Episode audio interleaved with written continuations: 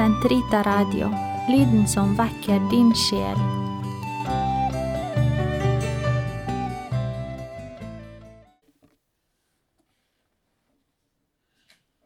Den katolske kirkes katekisme, uke sju, mandag, paragraf 121 til 127.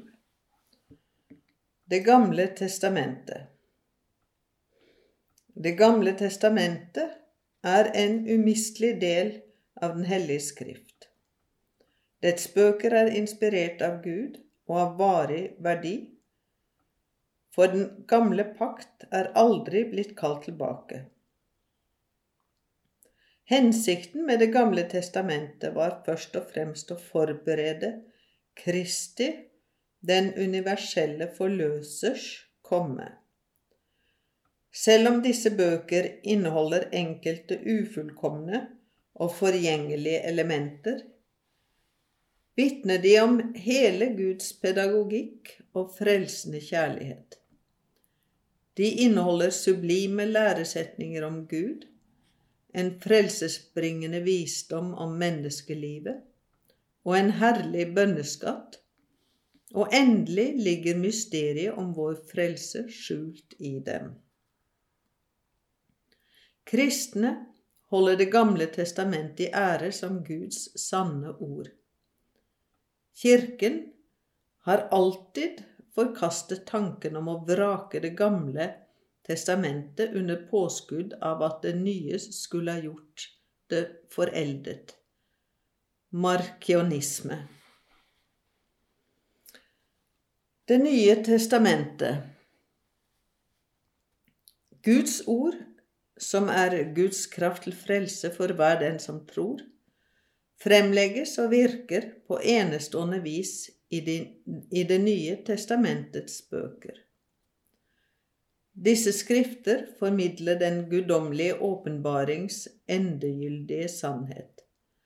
Deres sentrum er Jesus Kristus, Guds sønn blitt menneske, det han gjorde og lærte og led. Hans herliggjørelse og kirkens første tid under Den hellige ånds virke. Evangeliene utgjør Skriftenes hjerte, for de er jo hovedvitnesbyrdet om vår forløsers, det menneskevordne ords, liv og lære. I tilblivelsen av evangeliene er det mulig å spore tre etapper. Jesu liv og undervisning.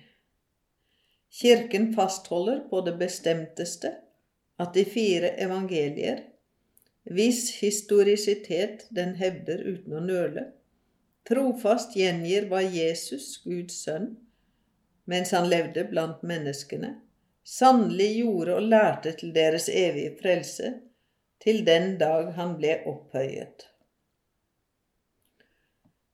Den muntlige overlevering Etter Herrens himmelfart